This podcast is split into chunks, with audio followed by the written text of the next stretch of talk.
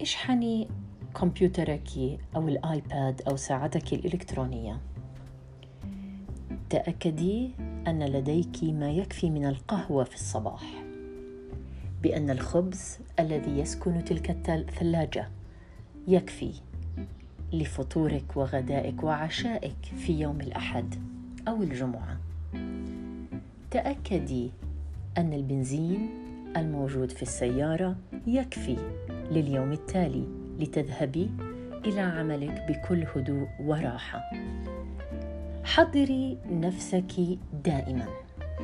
قدسي كل أيامك. اجعلي اليوم القادم أجمل من الذي مضى. الحظوظ تأتي دائما إلى الأشخاص الجاهزين. جهازك الكمبيوتر عندما يكون مشحون. قد تتحفي هذا العالم بقصة جميلة. وتلك الساعة المشحونة قد تساعدك للخروج على الجري.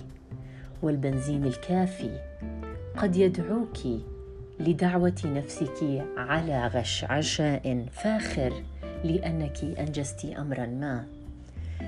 وذلك الخبز قد يجعلك تتصلين في صديق أو صديقة وتدعونهم إلى بيتك لقضاء يوم جميل مع من تحبين.